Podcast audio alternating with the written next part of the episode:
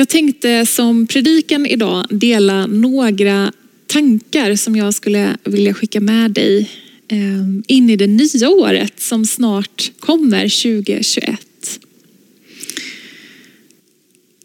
Och jag tänker att jag vill börja med att skicka med det här bibelordet som om du kommer ihåg så ligger det sådana lappar i våra bänkar här med ett bibelord i kyrkan och det är det första jag vill skicka med dig. Och det är från Apostlagärningarna 17 och 27 så står det så här. Gud är inte långt borta från någon enda av oss. Ty i honom är det vi lever, rör oss och är till. Gud är inte långt borta från någon enda av oss. Och det gäller dig och det gäller mig. Att vi får tro på en Gud som är nära oss oavsett hur våra liv ser ut. Och när livet inte blir som vi tänkt oss så får vi luta oss tillbaka på att vi får tro på en Gud som är nära oss.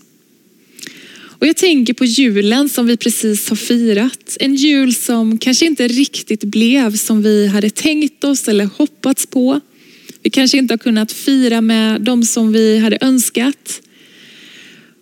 Och så tänker jag lite på Josef och Maria och den där första julen som de hade när de fick vara med om julens under. Den blev nog inte heller riktigt som de hade tänkt sig. Att de fick föda sitt barn i ett stall. Att de sen några dagar senare fick fly till Egypten. Det var nog mycket som inte blev som de tänkt sig. Men så fick de vara med om det stora undret att Jesus blev människa och han kom till världen som ett barn. Och det får vi på något sätt bara ta emot igen in i våra liv. Att oavsett hur våra livsomständigheter ser ut så är ja, men Jesus är med oss och han är nära oss. Det andra som jag tänkte att jag ville skicka med dig idag det är att vi alltid får ha vår identitet i att vi är Guds barn.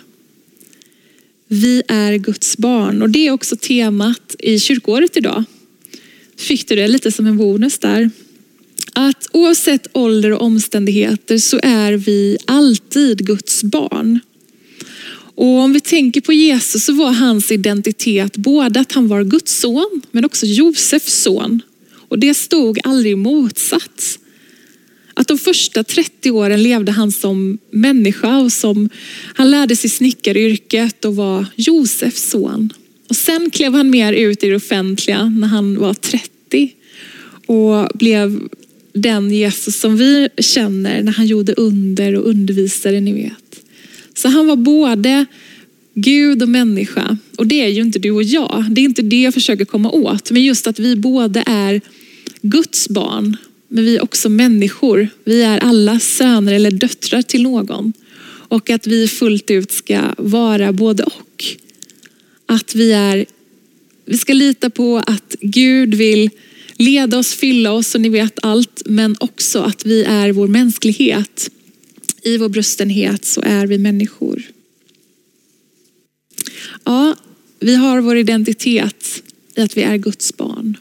Det var det jag ville skicka med och det sista som jag vill säga någonting om eh, i den här lite annorlunda predikan idag, det är, jag skulle vilja visa en teckning. Nu känner jag mig lite ni vet, som ett sånt där matlagningsprogram där man redan har förberett någonting. Men jag har med mig en av Elsas eh, teckningar eh, som hon har gjort. Och där det står att det här som är på den här teckningen, det är en tulpan som dansar. Och det ser väl alla, eller? Och det jag skulle vilja skicka med oss är en påminnelse om just den här äh, kreativiteten som barn ofta har. Och att man drömmer att ingenting är omöjligt. Äh, och att man är så fri. Ehm, och att man har så härliga perspektiv. En tulpan som dansar.